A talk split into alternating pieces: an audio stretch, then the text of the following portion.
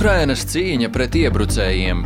Pasaules sniegtā palīdzība un mesties sprunguļi. Mēs skaidrojam, kas slēpjas aiz visiem šiem ziņu virsrakstiem. Lai labāk izprastu notiekošo, dzenamies arī pakaļ personīgiem stāstiem, kas iemieso šo eksistenciālo cīņu. Jo Ukraina cīnās ne tikai par savu brīvību.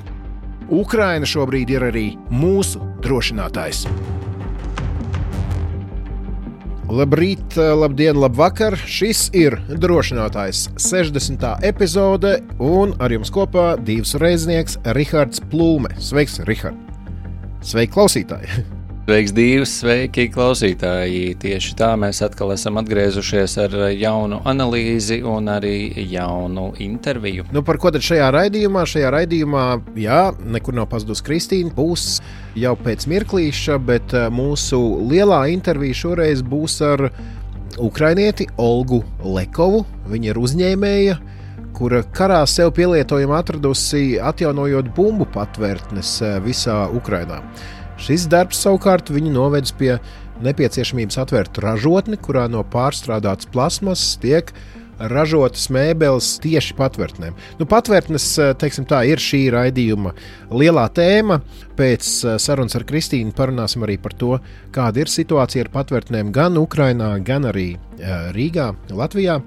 Bet sāksim, kā vienmēr, ar aktualitātēm. Jā, tieši tā, un kā jau ierasts, sazinājāmies ar Kristīnu Bērziņu, Vācijas Maršala fonda ziemeļnovirziena vadītāju un drošības politikas pētnieci, un jautājumi, par kuriem es ar viņu sarunājos, nebūtu nav jauni, un esam jau tos apsprieduši iepriekš.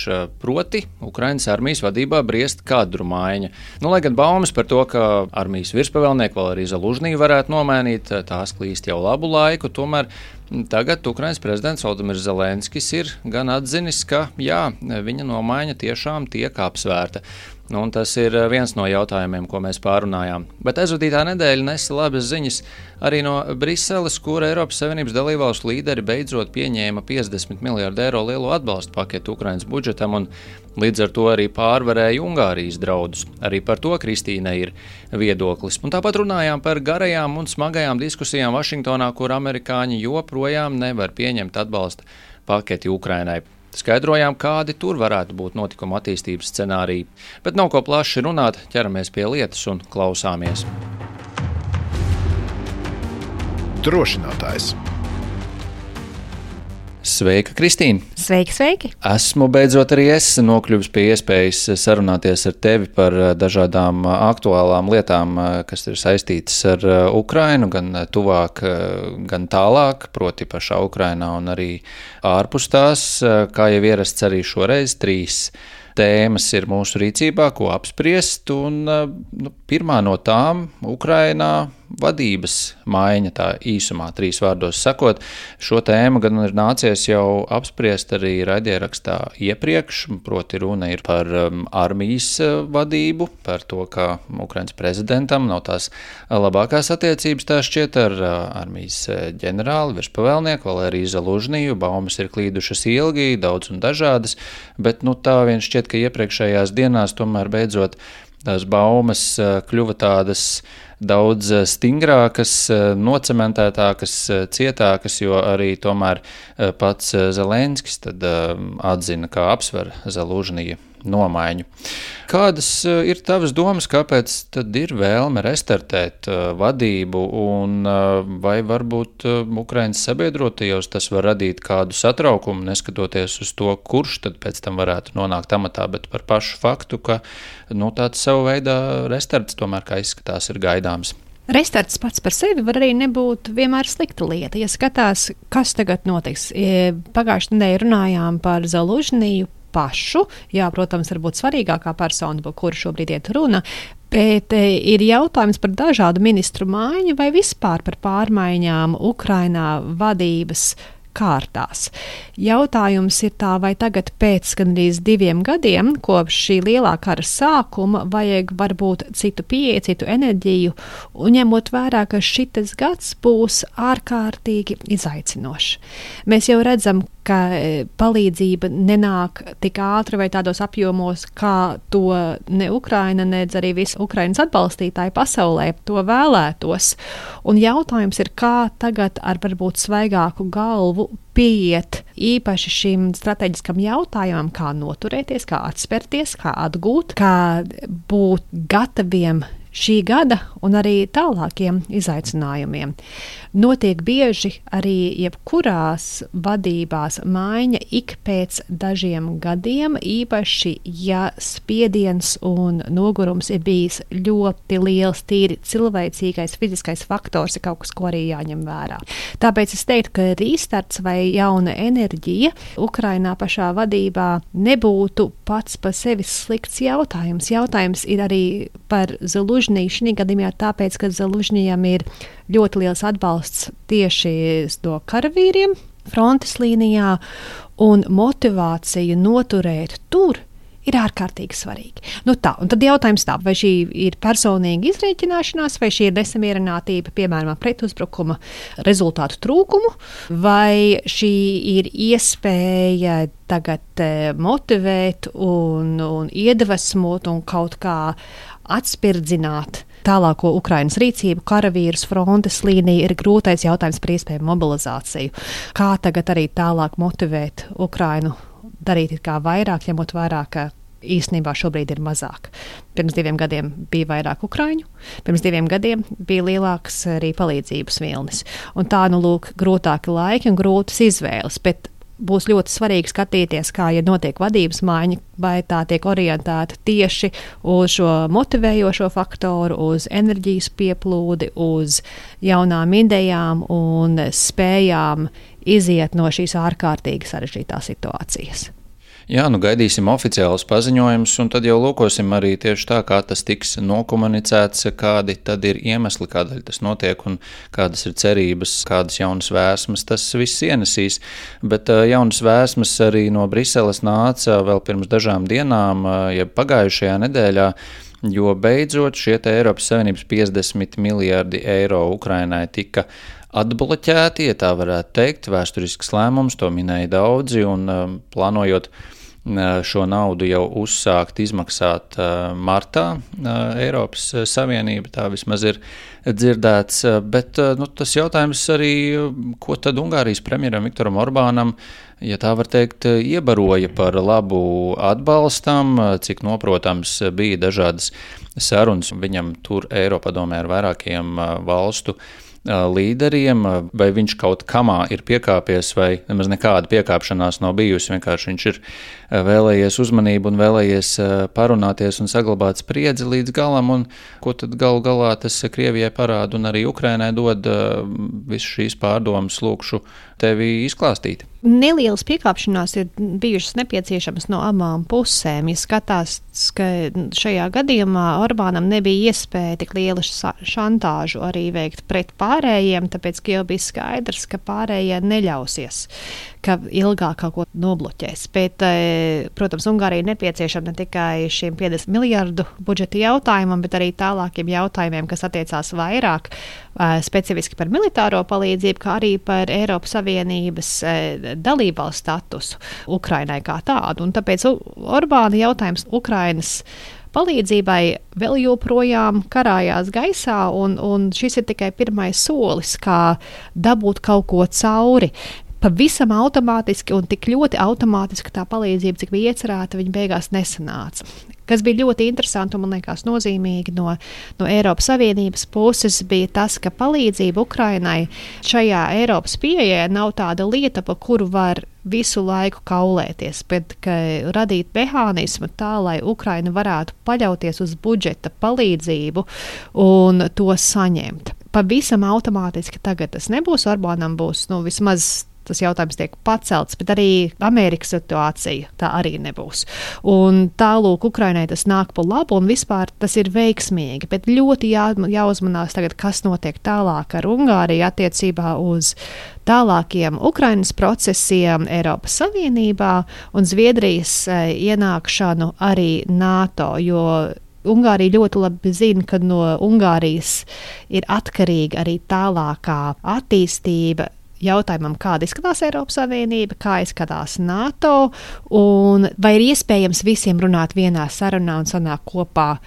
Tādā sakarīgā veidā. Iepriekšējā nedēļa rāda to, ka tas ir iespējams Eiropā un ir jāspiež uz tādu turpmāku dialogu, nepiekāpties pārāk, bet atrast tomēr kopceļu. Neizslēgt Ungāriju pavisam, bet saprast, ka visiem tomēr ir loma šo visu aizbīdīt uz priekšu. Bet tas nenozīmē, ka nevar būt citi ļoti sarežģīti brīži, un problēma ar tiem 50 miljardiem ir, ka viņi nav militārai palīdzībai. Un, protams, ir ļoti labi, ka budžeta palīdzība iet Ukrainai, tas ir absolūti nepieciešami, bet šobrīd ir tik svarīga militārā palīdzība, jo ir runa par tagad iespējami zaudētām teritorijām tuvākā laikā, ka tagad drīzāk paliks sliktāk, bez lielas uh, militārās palīdzības, bez šāviņiem. Tur tāpēc Eiropai tiešām jāskatās uz sevi un jādomā, kā tagad saražos, no kurienes iepirks, ko darīs tā, lai būtu cik vien rīcības spējīgi iespējami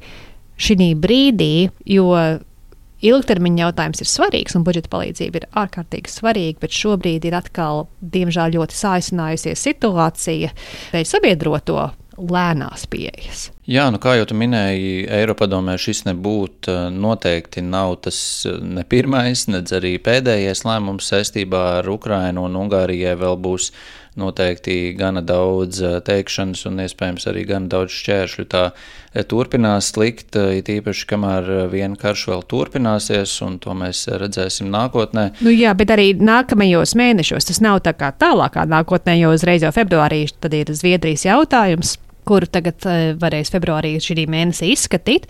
Martā jau ir jautājums par tālāko Ukrainas ceļu Eiropas Savienībā, un tāpēc nu, nav tāda pauzīta, kurā Ungārija nebūtu svarīga. Šobrīd viss pavasaris būs jautājums savā ziņā par Ungāriju. Jā, un tam arī noteikti sekosim līdzi, un pilnīgi noteikti esmu pārliecināts, ka par to arī runāsim. Bet uh, iesalusī ASV palīdzība joprojām amerikāņi, kamēr Eiropas Savienība dara, tikmēr amerikāņu otrpus okeānam joprojām snauž, laikam tā varētu teikt, un lai gan senātā, kā saprotams, tika saskaņot vienošanās par robežu drošību un palīdzību Ukrainai, tomēr Nu, pārstāvju palātas spīkers republikāns Maiks Džonsons jau iepriekš diezgan ātri vien jau izteicās, ka šis viss neies cauri, proti pārstāvju palātā likumprojekts netiks pieņemts.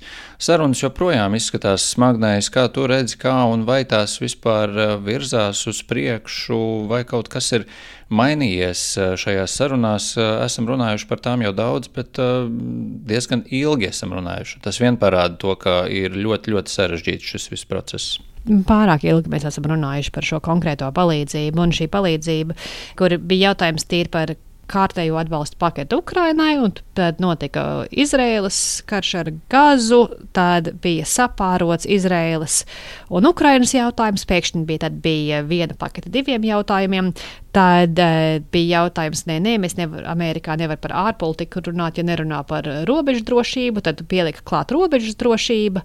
Un tagadēji robežu drošības apakšpalātā, pārstāvju palātā ir atbilde, ka nē, šī vienošanās, kuru varēja panākt senātā, um, tagad ir vienkārši mirusi, tāpēc, ka redz nāk vēlēšanas un nav tagad pareizais laiks arī atrisināt to dienvidu robežas problēmu principā. Un, un jautājums ir drusku tāds, vai viss sākās no sākuma tuvākā laikā, un tas ir pesimistisks jautājums, tāpēc ka ļoti daudz ir darīts jau mēnešiem ilgi, un tā doma ir bijusi no visām pusēm, tagad vajag uztaisīt kaut ko, kas visiem ir tīkams. Šobrīd man liekas, ka ja attīstīsies politika Vašingtonā drīzāk par to, nē, nu, ja runa ir par Ukrajinu, ja Ukrajinā paliek slikti, tad jāatbalsta konkrēti Ukraina un konkrēti nepieciešamākā lieta ir militārā palīdzība. Jo līdz šim arī tā atbalsta pakete ir iekļāvusi arī budžetu un citus jautājumus. Un jo sliktāka situācija šobrīd attīstīsies Ukrajinā, jo būs lielāks spiediens Vašingtonā teikt, nu labi, mēs nevaram par visām tām lietām vispār atrast kopīgu valodu. Izraels jautājums ir politiski sarežģīts eh, dažu senatoru vidū, kuri atbalsta vairāk gazas un humanitāros jautājumus. Ja akūtākais un traģiskākais jautājums šobrīd ir Ukraina, tad runāsim tikai par Ukrainu. Bet kādam tagad ir jādabūna to jauno ideju cauri? Un tāpēc es teiktu, šobrīd mūsu ieraksta sarunas laikā notiek tā domāšana, vai ar šo lielo kopīgo paketi varēs kaut ko veikt Vašingtonā, ir skeptiski. Uh, uz to raugos, tāpēc, ka apakšpalātā un Trumps neuztver, ka tas būtu nepieciešams. Un drīzāk tad kā pagriezt to skatījumu apakaļ tīri uz visnepieciešamāko Ukrainas militāro jautājumu, Jo, jo ilgāk vilcināsies, īpaši, ja runa ir par to, ka, ja neko neizdara līdz maijam, pirmkārt, kas tad vispār ir palicis Ukrainā? Ja tur Ukrainai ir arvien grūtāk, ja maijā nav, tad līdz, līdz novembrim arī nebūs. Un tāpēc tie atlikušie mēneši ir ļoti maz. Un varbūt ir jākoncentrējās un jāliek uzsvars šeit, Vašingtonā, tieši uz to, kas tiešām ir pats svarīgākais, un tas ir uh, militārās palīdzības jautājums. Bet tas process notiek daudz lēnāk. Nekā vajadzētu, un mēģinājumi šobrīd ir vēl joprojām to kopildi un to lielāko ideju izstumt cauri. Tikai ir maz ticams, ka tas sanāks.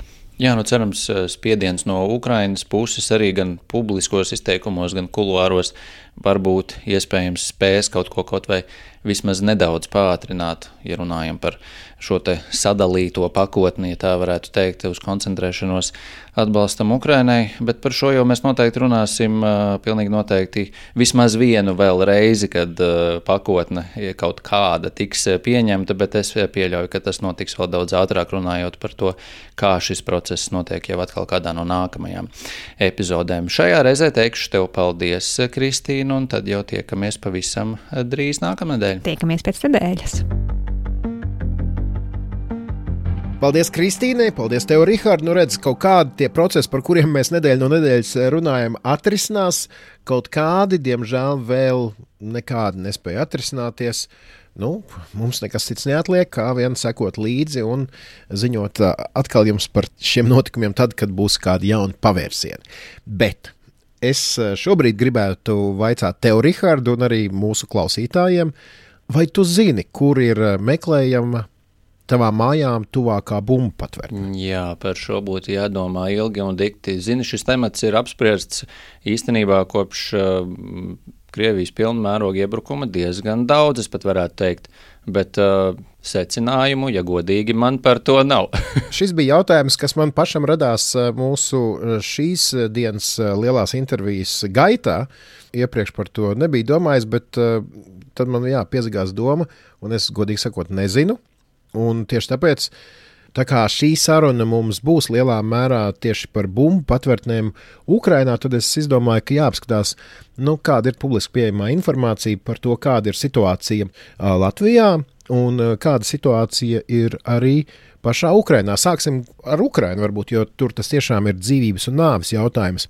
Jāsaka tā, ka meklējot informāciju par bumbu patvērtnēm Ukrajinā kā pirmā, Ziņa lec laukā no pagājušā gada, tātad 2023. gada jūnija sākuma, kad uh, tur izcēlās pamatīgs skandāls, jo 2. jūnijā Krievijas raķešu trieciena rezultātā pie vienas no Kīivas bumbu patvērtnes durvīm nomira trīs cilvēki.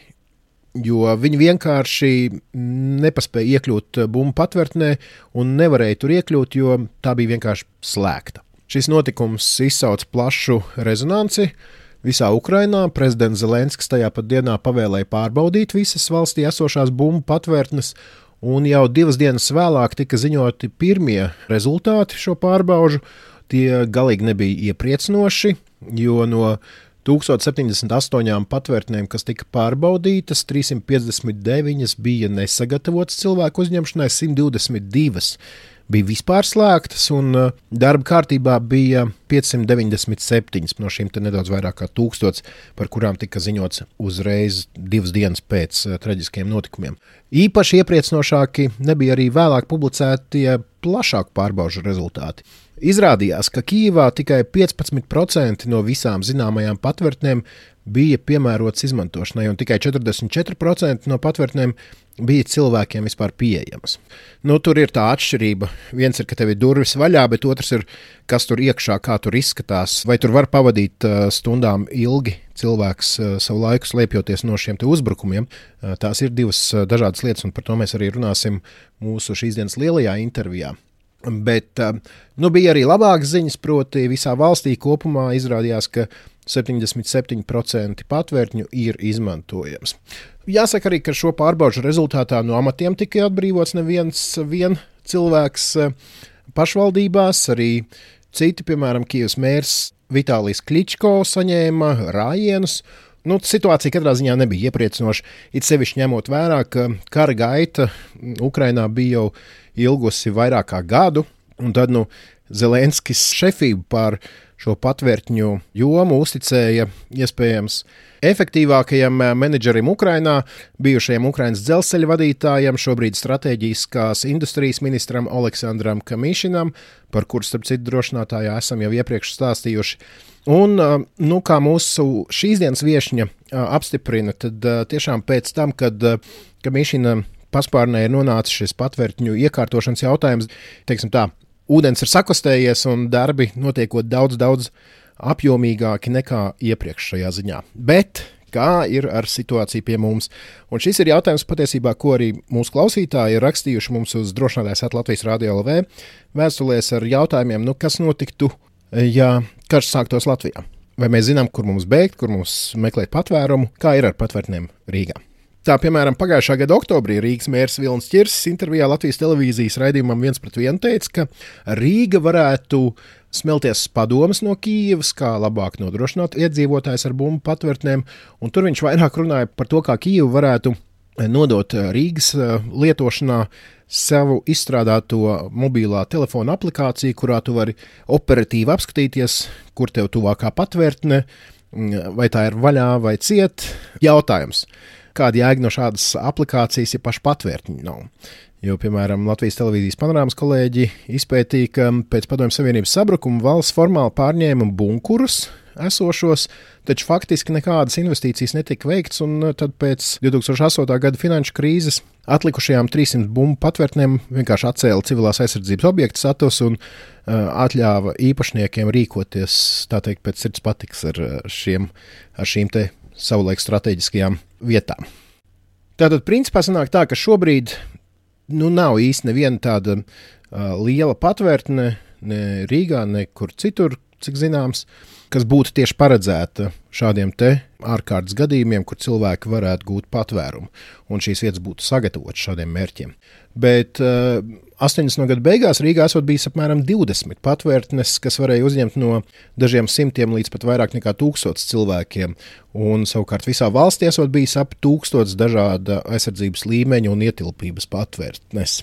Nu jā, pēc tam uh, Rīga, lai arī sakot, ka uh, valstiskie dokumenti vēl nav sakārtot un tā tālāk, tad uh, Rīga mēģināja ko darīt lietas labā un civilās aizsardzības pārvaldē apzināja 355 bumbu patvērtnēm piemērotas vietas. Nu, kas notiksies tālāk, redzēsim.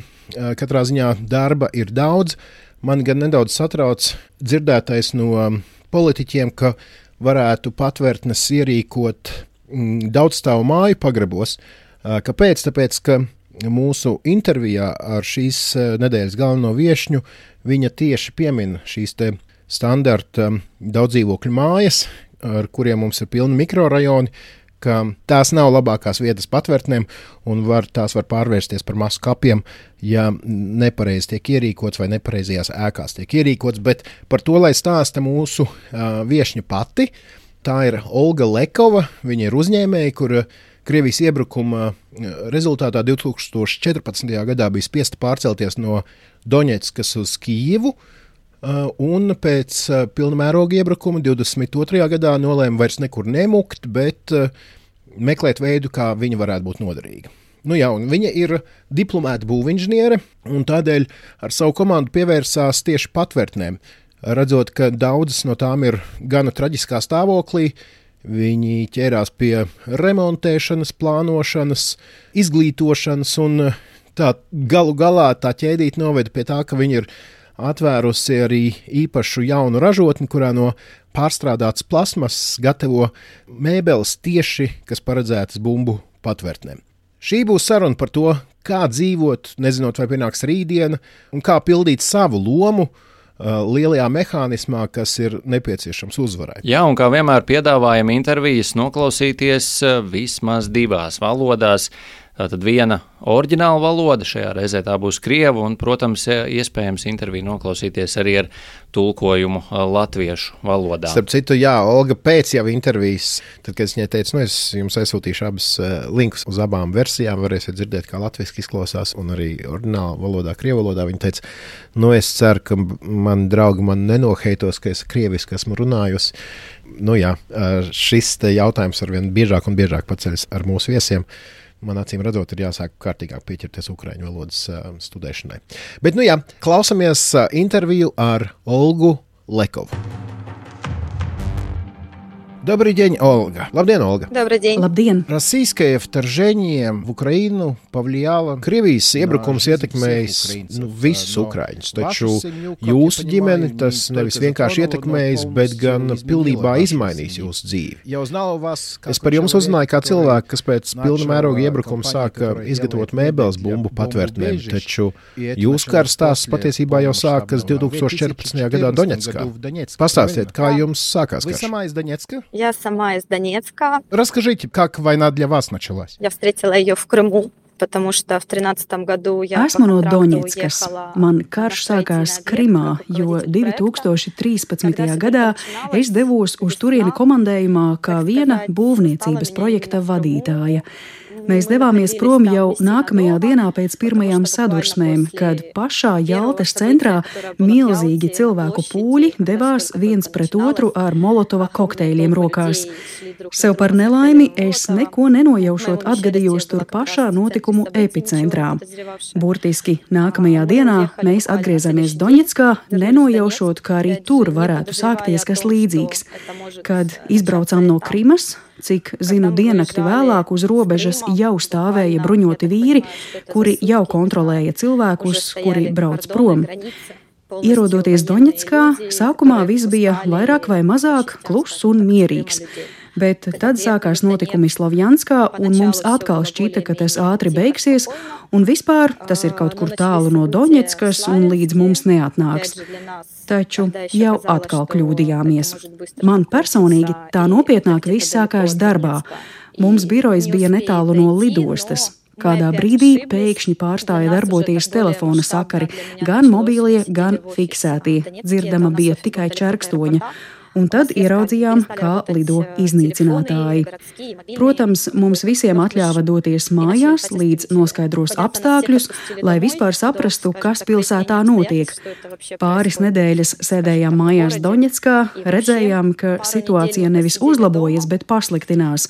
Konflikts ar vien pieauga. Mēs nopirkām vilciena biļetes kā vēlāk izrādījās, vienā virzienā, jo nākamajā dienā pēc mūsu aizbraukšanas dzelzceļa līnija Doņetskā tika uzspridzināta. Tā nonācām Kīvā.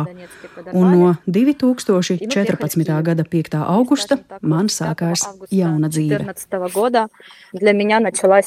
Новая история. Вы сама где-то писали, что Kaut kur rakstījāt, ka uz Kijevu pārbraucāt ne tā, kā daudz domāja par atbraucējiem no Doņetskas, proti, ka viņi ierodas ar um, pilniem naudas maisiem padusē. Saprotu, ka jūs aizbraucāt bez nekā, без ничего, да? Переехали. Да, к сожалению, буквально перед началом всем мы потеряли все вложения, поэтому... Jā, diemžēl mēs zaudējām visus savus ieguldījumus. Labi, ka uz Kijevu pārbraucām viss celtniecības uzņēmums, kurā tolaik strādāju. Tas bija tāds labs atbalsts. Bet vispār mēs ieradāmies pilnīgi bez jebkādiem ietaupījumiem. Vienīgais, kas mums bija līdzi, bija mūsu personīgās mantas. Braucām prom ar domām nevis par kādiem pāris mēnešiem, bet uz visiem laikiem. А почему вы так думали? в тот момент? Kāpēc jūs tā tobrīd domājāt? Neviens taču nezināja, kā viss attīstīsies. Никто не знал, но, знаете, история циклична. Neviens nezināja, bet ziniet, vēsture ir cikliska. Man ļoti patīk vēsture, patīk lasīt analītiskus rakstus, tāpēc saprotu, ka dzīvē viss atkārtojas. Ja ne šodien, tad rīt atkārtosies. Tāpēc neviens negribēja riskēt. Zinājām, ka vismaz mūsu ģimenei pastāv dzīvības draudi, tāpēc mēs vienkārši aizbraucām, kur ir mierīgāk. Bet jūs jau redzat, dzīve pierādījusi, ka karš tevi var panākt, lai kur arī atrastos. Независимо от того, где ты находишься. У вас uh, связь с Донецком? Vai jums joprojām ir saistība ar Donetsku? Nu, если вы не можете говорить так, ne, nu, ja nevarat par to runāt, tad sakiet.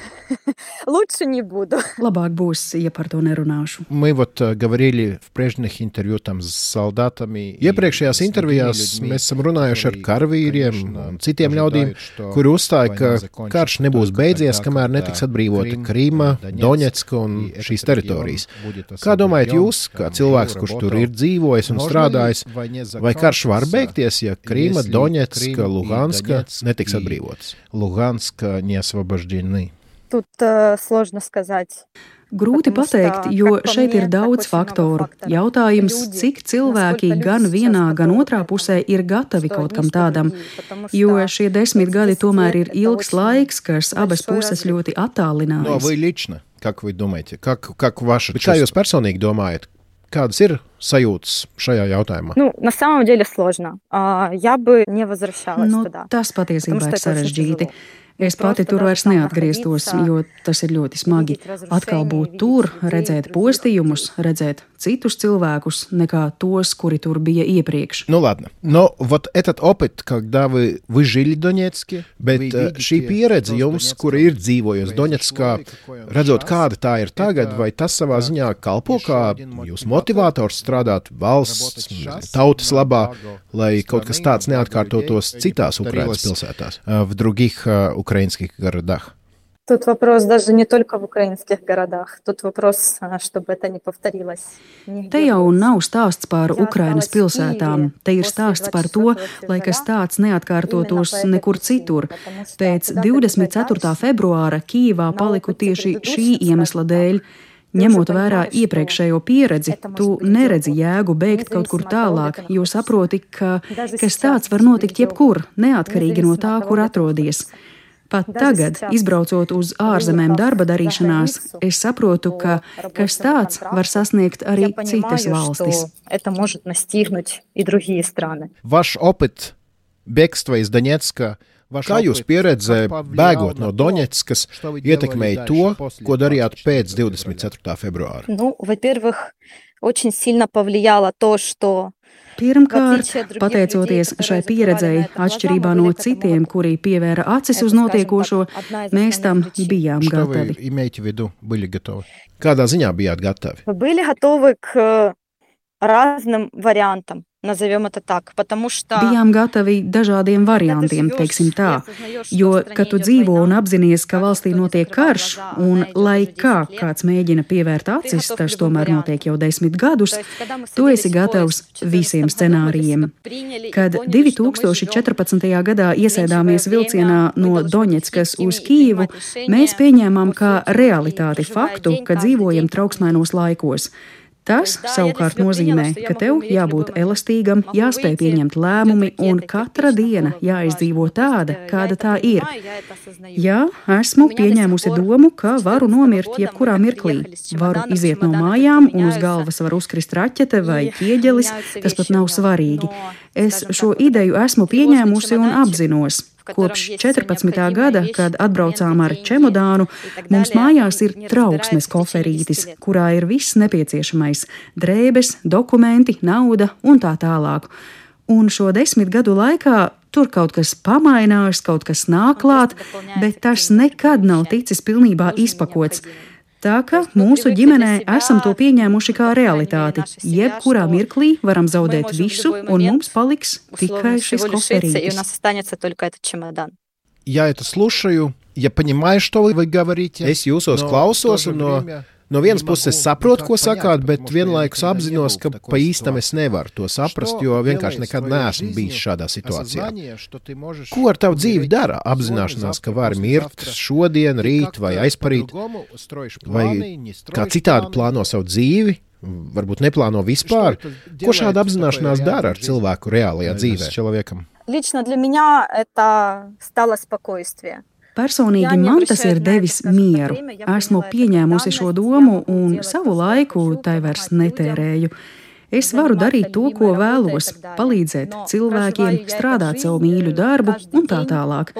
Taču katru dienu dzīvoju pilnībā piepildītu, kā pēdējo как последний. Я смотрю на ваш один пост в Фейсбуке. Es skatos uz vienu no pēdējiem jūsu ierakstiem Facebookā, kurā rakstāt, ko darāt, ar ko piepildīt ir jūsu diena, nedēļa, mēnesis. Un tur ir tiešām ļoti daudz visa kā sarakstīts. Bet šobrīd tad uh, gribu vaicāt par bumbu patvērtnēm. Kā jūs nonācāt līdz idejai izgatavot mēbeles tieši bumbu patvērtnēm? Uzreiz bija tāda doma vai tā nāca pakāpeniski? Идея выплыла из потребностей. Tā bija ideja, kas radās no nepieciešamības. Mēs projektējām patvērtnes, aprīkojām tās, meklējām grantus to sakārtošanai, kas ir diezgan grūti izdarāms. Tagad, protams, vieglāk, bet, kad sākām šo darbu, tam neviens īsti negribēja pievērst uzmanību. Pagaidiet, почему вы эти вообще проекты делали? Вам был заказ Bet, kāpēc jūs veicāt šos projektēšanas darbus? Jums bija pasūtījumi vai vienkārši konstatējāt, kādā stāvoklī ir jūsu tuvākās patvērtnes? Kad sākumā gribējām labiekārtot patvērtnes blakus mūsu dzīvojamajai mājai, konstatējām, ka ir ļoti daudz juridisku šķēršļu, taču negribēju pie šīm grūtībām apstāties. Tāpēc sākām attīstīt šo jautājumu, rīkojām seminārus, kādām jābūt patvērtnēm, kam tur ir jābūt. Pie mums tad sāka vērsties cilvēki, lai lūgtu palīdzību labiekārtot patvērtnes viņu mājās, skolās vai slimnīcās. Bija dažādi pieprasījumi, taču patvērtņu pārprojektēšanas procesā secinājām vienu lietu. Mums ir standarti, kādām mēbelēm mēbelēm jābūt šādās telpās, taču fiziski šo mēbeļu tur bieži vien nav. Nereti patvērtnēs ir kaut kādas mēbeles, taču šim konkrētajam mērķim tās īsti nedara. Что там специального, почему? Bet kas tajās ir tāds īpašs? Kādēļ nedara jebkādas mēbeles? Tām jābūt konkrētos izmēros, jāatbilst konkrētiem standartiem, tāpat kā ir patvērtņu iekārtojuma standarti, ir arī drošības normatīvi. Tā piemēram, neviens neiedomājas, kādēļ patvērtnēs nedrīkst izmantot flīzi flīzes. Tas ir tāpēc, ka sprādziena viļņa ietekmē flīzi var atraut no sienas, un tā var ievainot cilvēku. Tieši tāpat ir konkrētas prasības mēbelēm. Piemēram, patvērtnēs nedrīkst izmantot mīkstās mēbeles, jo tās ir antisanitāras. Tā ka ir dažādas prasības. Mēbeles nedrīkst būt tādas, kurās var iemesties spēlējums, tādas, kas ātri nolietojas un tam līdzīgi. Ir daudz šādu tehnisko parametru, kas būtu jāievēro, taču reāli realitātē redzējām daudz koka mēbeļu vai mēbeles, kas radītas no skaidu plātnēm. Tas nozīmē, ka trīs mēnešu laikā tās var uzbriest un vairs nebūs izmantojamas. Tāpēc meklējām materiālus, kas varētu derēt šādā vidē. Izskatījām daudzus variantus. Mums nemaz nebija doma atvērt savu ražotni, jo tā mums bija jauna, nezināma un sarežģīta joma. Vai nu spējam apmierināt mūsu vēlmes un prasības, vai arī izmantojam to pašu, ko citi. Bet tā kā mūsu komandā bija ķīmiķi un tehnologi, kādā brīdī mēs nolēmām, ka centīsimies atvērt savu ražošanu un izgatavot patiešām augstas kvalitātes produktu, kas ne tikai atbilstu mūsu valsts standartiem, bet arī būtu draudzīgs videi. Tāpēc izvēlējāmies strādāt ar plastmasu. Tas ir, mēs otrreizēji pārstrādājam plastikāta atlikumus dažādās tā formās un no tā izgatavojam mēbeles. Esam saņēmuši certifikātu, ka šis produkts ir vidē draudzīgs. Jo cilvēkiem bieži rodas jautājums, ja jau tā ir plastmasa, vai to var izmantot. Tieši tāpēc izgājām certifikāciju, lai cilvēki būtu simtprocentīgi pārliecināti par mūsu produkcijas kvalitāti. Un tā palēnām mūsu ražošana sāka augt. Перед этим вы в Киеве открыли бюро Pirms tam Kīvā jūs atvērāt arhitektu biroju. Ja? Ar, ar ko īsti nodarbojās šis uzņēmums? Pēc izglītības esmu būvinženieris, un būvniecība man ir ļoti mīļa nodarbe. Visi projekti, ko īstenojam, saistīti tieši ar būvniecības sfēru. Savu uzņēmumu atvērām 2016. gadā, jo dzīve Kīvā ir dārga, galvaspilsēta galu galā, un ar naudu, ko pelnīju uzņēmumā, kurā tobrīd strādāju, nepietika. Tā kā nācās ko domāt, un bezmaz vai jāsaka, ka sava uzņēmuma atvēršana bija tāds kā piespiedu solis. Man nekad iepriekš nebija bijis savs uzņēmums, tā ka tas bija kas jauns. Protams, bija kāpumi un kritumi, kā arī lieli naudas zaudējumi. Taču man patīk būvniecība, patīk dizains, un, ja dzīvojat viens, man Kīvā nebija atbalsta un radinieku, tad arī attieksme ir nedaudz citādāka. Jūs vienkārši aizmirstat visas savas grūtības, jūs ceļaties un virzāties uz priekšu. Nu, labi, вернемся к укрытиям. Labi, atgriezīsimies pie patvērtnēm. Kā tas sākās? Tātad? Jūs kaut ko izdarījāt savu dzīvokļa kompleksu patvērtnē, tad kāds to ieraudzīja, novērtēja un sauca jūs uz jauniem objektiem, vai kā šī lieta izauga? Или как это вырастало? Negluži. Viss sākās ar lekcijām par drošību, par to, kam jābūt patvērtnē. Nevalstiskās organizācijas piesaistīja mani kā lektoru, lai es izstāstītu, kas vispār vispār ir vajadzīgs šādās vietās. Pēc tam viena no organizācijām mani piesaistīja kā konsultantu patvērtņu ierīkošanā. Mēs palīdzējām, devām materiālus, būvmateriālus, aprīkojumu, kas bija nepieciešams tieši patvērtņu ierīkošanā. Tobrīd naudas nebija daudz, tāpēc nedavām naudu pašiem remontdarbiem, bet aprīkojumam, kas nepieciešams, lai cilvēki paši varētu šīs patvērtnes ierīkot, jo, kad cilvēki paši ko dara, tad arī rezultātu novērtē novērtē vairāk. Vienlaikus mēs jau sākām tirgot pašu ražotās mēbeles un piedāvājām tās cilvēkiem, kuri atjaunoja patvērtnes, lai viņiem nebūtu atkal jāliek kaut kādus šaurus, nērtus un nepiemērotus koka soliņus, uz kuriem pat īsti pagulēt nevar. Tobrīd cilvēki patvērtnēs pavadīja daudz laika, varēja pat diennakti no vietas tur būt, bet skaidrs, ka tādās vietās cilvēkam nepieciešama vieta gan kur pagulēt, gan pastrādāt, taču to nevar nodrošināt 20 cm plati beņķi, ar ko visbiežāk aprīkotas patvērtnes. Pirmās mēbeles pārdevām pagājušā gada februārī. Tās tika pamanītas, un pie mums vērsās jau citi cilvēki, kuri gribēja to pašu. Tā palēnām, palēnām paplašinājām ražošanu un uzlabojām mūsu produkciju. Gada laikā jau esam aprīkojuši vairāk nekā 30 patvērtnes deviņos Ukrainas reģionos, pārstrādājot vairāk nekā desmit tonnas plastmasas. A кто ваши клиенты? Kas ir jūsu klienti? Mēs strādājam galvenokārt ar labdarības fondu starpniecību, jo valsts pasūtījumu process aizņem ļoti ilgu laiku, un mēs paveiktu daudz mazāk, ja strādātu tikai ar tiem. Mēs varam saražot ātri.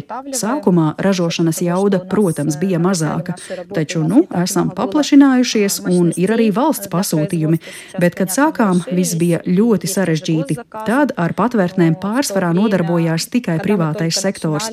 Tagad gan ir gan valsts, gan pašvaldību pasūtījumi, piesakās gan skolas, gan jauniešu centri, komunālo pakalpojumu nodrošinātāji. Būtībā ik viens, kurš grib, lai viņam būtu mūsdienīga pasūtījuma patvērtne обустроить или обставить. Вы говорили, мебель для 30 да. укрытий вы сделали. Cik daudz mēbeļu vajadzīgs vienā vidējā patvērtnē? Es saprotu, ka tās var būt gan lielas, gan maļīgas. Можно какой-то... В зависимости от количества человек. Atkarībā no cilvēku skaita vidēji patvērtnes paredzētas 200 cilvēkiem. Cik daudz un kādu mēbeļu tādā vietā nepieciešams? Ну, в основном мы откидные лавы, на которых можно спать в школах. Pārsvarā Pārsvarā tās ir nolūkāmas lāviņas, uz kurām var gulēt. Skolām papildus esam piegādājuši galdus, kurus var savienot, pārvēršot tos par guļvietām. Mēnesī šobrīd nosūtām pasūtītājiem nedaudz vairāk kā 100 mēbeļu komplektus. Patiesībā šobrīd jau vairāk, bet vēl nesen bija šādi.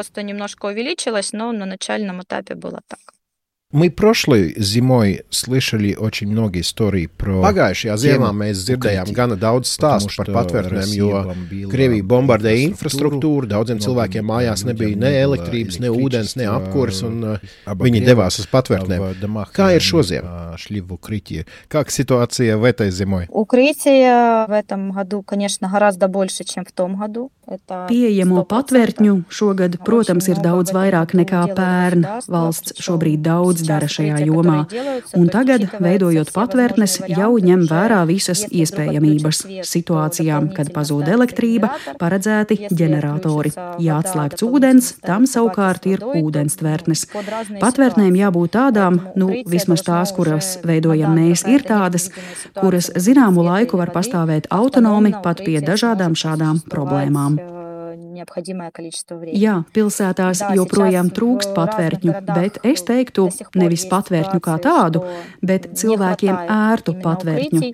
Saprotiet, gaisa trauksmes var turpināties vairākas stundas, tādēļ arī cilvēkiem vairākas stundas jāsēž patvērtnē. Taču tam būtu jābūt tā, ka cilvēks bez īpašiem ierobežojumiem var turpināt iesākto, strādāt, mācīties un tam līdzīgi. Tāpēc patvērtnes tagad tiek aprīkotas tā, lai dzīves process cilvēkam būtu nepārtraukts. Ja viņš strādā, tad viņš atnāk uz patvērtni un mierīgi var turpināt strādāt. Tur jābūt krēsliem, galdiem. Ja tas ir bērnu dārzs vai skola, atkal jau bērni dodas uz patvērtni, un tur obligāti būtu jābūt gan krēsliem, gan galdiem un tāfelēm, lai viņi varētu turpināt mācību procesu. Tādēļ šobrīd pie mums uzsvars tiek likts nevis uz to, lai būtu jebkāda patvērtne, bet lai tā būtu labi iekārtota un cilvēks varētu turpināt savu dzīvi neatkarīgi no tā, kas darās ārpusē. От ситуации за окном. Я надеюсь, нас слушает те люди. Ceru, ka mūs klausās tie pašvaldību cilvēki, kuri ir atbildīgi par patvērtnēm Latvijā. Jo šī tēma ir visai aktuāla arī pie mums. Ik pa laikam tiek runāts, vai mums to patvērtņi ir pietiekami, kā tās ir iekārtotas un vai vispār ir pieejamas. Uh, nu, varbūt pienāks brīdis, kad varēsiet atbraukt uz Latviju un parādīt, kā tās lietas darāmas. Bet uh, nu, tas laikam kaut kad vēlāk. Ну, это потом. Почему? Мы сейчас ездим по международному проекту. Kāpēc? Mēs jau tagad dažādu starptautisku projektu ietvaros braucam uz citām valstīm un dalāmies ar savu pieredzi. Šajā gadā mēs tieši veicam šo misiju. Вот я не знаю, где, если что-то бы началось. Nu, ja kas sāktos pie mums, es, piemēram, nezinu, kur ir man tuvākā patvērtne. Patiesībā vispār nezinu kaut vienu patvērtni pilsētā. Mums arī metro nav, tātad patvērties tur arī nav variants. Тема есть. Ну, mums ir vēl ko darīt. Тоже у нас есть. Можно сходить в библиотеку, поднять старые архивы и узнать, где находятся укрытия. Jūs varat aiziet uz bibliotēku, paskatīties arhīvos un uzzināsiet, kur atrodas patvērtnes. Tas būtu pirmais solis informācijas apkopošanā un sabiedriskajā darbā. Может быть, что-то еще, что нам надо знать про укрытие? Varbūt ir vēl kas tāds, kas mums jāzina par patvērtnēm. Ну, если у вас есть старые постройки, условно, после 40-х, то практически... Ja jums ir veco laiku dzīvojamās mājas, mājas, kas būvētas pēc 40. gadiem, tad praktiski visās tajās tika izbūvētas patvērtnes. Šobrīd tās visdrīzāk tiek izmantotas kā pagrabi, un cilvēki par tām aizmirsuši. Tačу, principā, skatoties no ielas puses, tās ir visai viegli pamanīt pēc ventilācijas šahtām, ja vien tās saglabājušās. Но я слышал от вот киевлян, с которыми я говорил, No kīviešiem esmu dzirdējis, ka kopš lielā kara sākuma šajos divos gados cilvēki savā ziņā nu, ir pieraduši pie šīm trauksmēm un daudz vairs neiet uz patvērtnēm, kad atskan brīdinājums par briesmām. Bet vai jūs pati? Uz patvērtni dodaties, un kādi ir tie apstākļi, kad lemjat, jā, došos un nē, nedošos? В укрытие максимально стараемся всегда спуститься. Mēs vienmēr cenšamies iet uz patvērtni, bet ir brīži, kad tas nav iespējams. Piemēram, ja kaut kur braucam automašīnā, tad parasti turpinām braukt, jo apstāties un stāvēt būtu bīstami. Tādēļ braucam līdz kādai vietai, kur būtu kaut cik droši. Savukārt, piemēram, mūsu biroja teritorijā ir ļoti laba patvērtne, kurā var dzīvot pat vairākas dienas.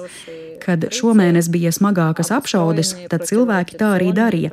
Mēs palīdzējām uzlabot to patvērtni, uztaisījām nelielu remontu, ielikām mēbeles, jo sākotnēji tā bija ļoti nepiemērotā stāvoklī ar pelējumu, mitra, nu, gluži kā daudzi pagrabi.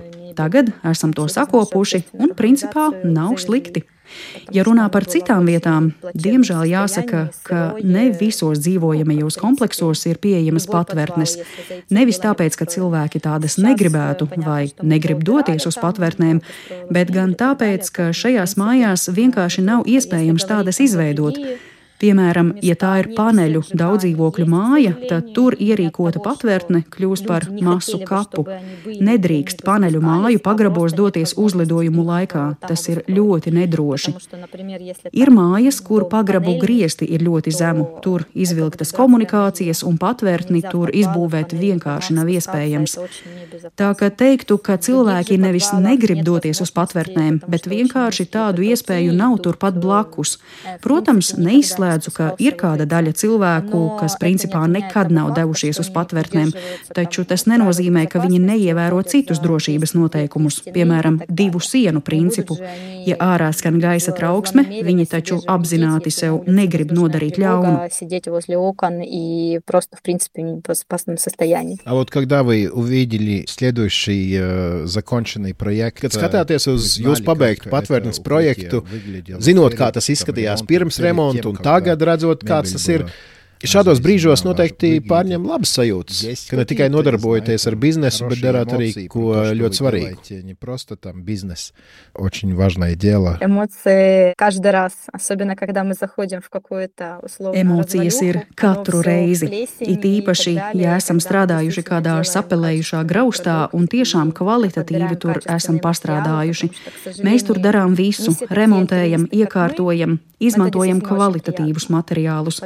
Diemžēl ne visi ir tādi altruisti kā mēs, un beigās tiešām ir ļoti patīkami, jo atšķirība starp to, kā bija pirms un pēc mūsu atnākšanas, ir ļoti liela. Taču visvairāk sirdi, protams, silda cilvēku pateicības vārdi par to mūsu misiju, ko esam uzņēmušies, un darbiem, kas paveikti. Tas ir ļoti patīkami. Я еще читал где-то что вы вашai kompānijai lasīju, ka jūs darbā pieņemat cilvēkus, kuri bijuši spiest pamest savas mājas un pārcelties uz Kīvu, gluži kā jūs savulaik. Tas tā ir? Да. Ну, так сложилось обстоятельства. Сначала Jā, Tā tas kaut kā sanācis, kad Kīvā atvērām savu pirmo uzņēmumu. Sākumā sadarbojāmies tikai ar šādiem cilvēkiem, jo no Kīvas vietējiem iedzīvotājiem attieksme pret mums bija ļoti kritiska. Kāpēc? был небольшой негатив из-за того, что Negatīvismu nedaudz izsauca tas, ka bijām pārbraukuši no Doņetskas. Cilvēki nesaprata mūsu problēmas, nesaprata mūsu psiholoģiskos traucējumus, kad, piemēram, salūta laikā meties uz asfalta, jo tev vienkārši ir bail un sākas panika, jo domā, ka tie ir sprādzieni. Cilvēki Kīvā to nesaprata. Skaidrs, ka nu šādu problēmu vairs nav, jo šādas bailes izdzīvojas katrs Ukrainas iedzīvotājs. Taču tad šāda lieta bija, un tādēļ darbā centāmies ņemt cilvēkus, kuri būtu pārdzīvojuši to pašu, ko mēs.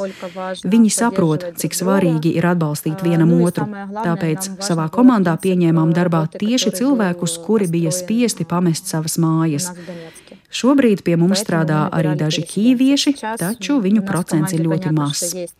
Kad atvērām otro uzņēmumu, kas ražo mēbeles no otrais pārstrādājamā materiāla, arī tad darbā pieņēmām bēgļus, bet šoreiz tie bija jau jaunā viļņa bēgļi.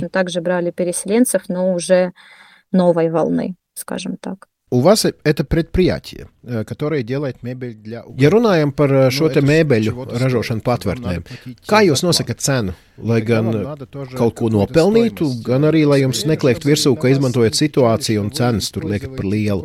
Kā šajā ziņā atrast līdzsvaru? Как этот баланс найти? Ну, смотрите, мы работаем, то есть мебель для укрытия, мы продаем ее... Mēbeles patvērtnēm mēs pārdodam par pašizmaksu. Ar šo mēs nepelnām, jo uztveram to kā savu sociālo misiju. Taču neviens nav atcēlis to, ka cilvēkam gribas nopelnīt. Tādēļ paralēli šobrīd attīstām atradām arī citu nišu - dizaina mēbeles no pārstrādātas plastmasas, kuru izveidē vajadzīgs lielāks radošums un pūliņi, lai veiksmīgi varētu arī to tirgot. Šos produktus virzām pavisam pa citiem kanāliem. Nu, tā kaut kā. Ну и продвигаем ее, естественно, через другие каналы. Поэтому вот, вот так.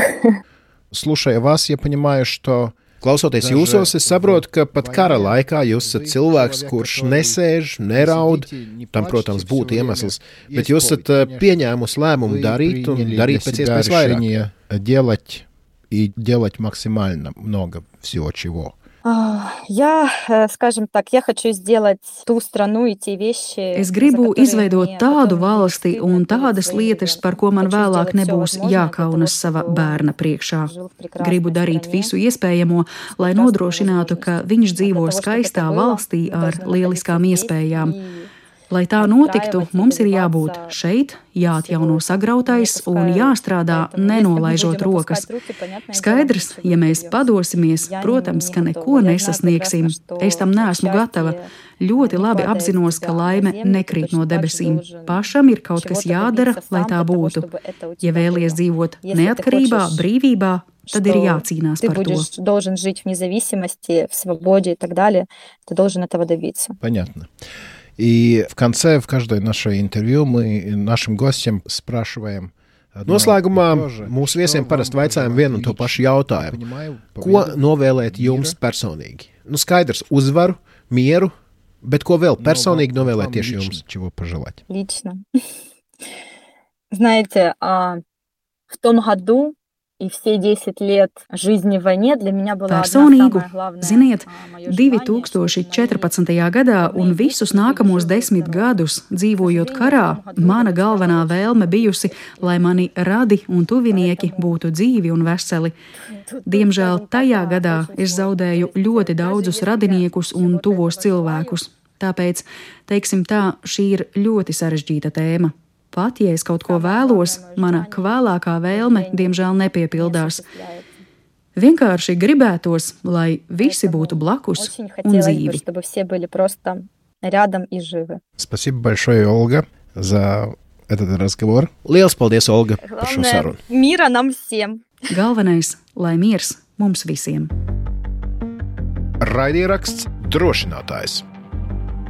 Tikko dzirdējāt sarunu ar Olgu Lekovu, uzņēmēju no Ukrainas. Paldies eh, Dīvam, paldies arī Olgai. Jā, nu šī intervija viennozīmīgi raisa pārdomas un eh, viennozīmīgi liek savā ziņā mums padomāt par to, kas tad notiek šeit, mums tepat Rīgā, tepat Latvijā, kopumā visās pilsētās ar bumbu patvērtnēm. Protams, ka ir svarīgi tās ierīkot tā, lai cilvēkiem, ja ir nepieciešams, tie tur varētu pavadīt ilgu laiku un pavadīt to komfortablos apstākļos. Bet, nu, ja mēs runājam par to, kas mums šeit notiek Latvijā, droši vien sākumā jau jādomā par to, lai patvērtnes kā tādas vispār mums būtu un tās būtu gana daudz un gana pieejamas. Un tad jau tā tālāk var domāt arī par to, kā tās atbilstoši iekārtot. Ne, nu, zin, kā, ņemot vērā, ka karš turpinās jau nu, tūlīt būs divi gadi, nu, tomēr prasītos, ka tā dokumentu kārtošana, kas arī ir svarīga, protams, valsts pārvaldē, ka tā dokumentu kārtošana notiktos saulaicīgāk.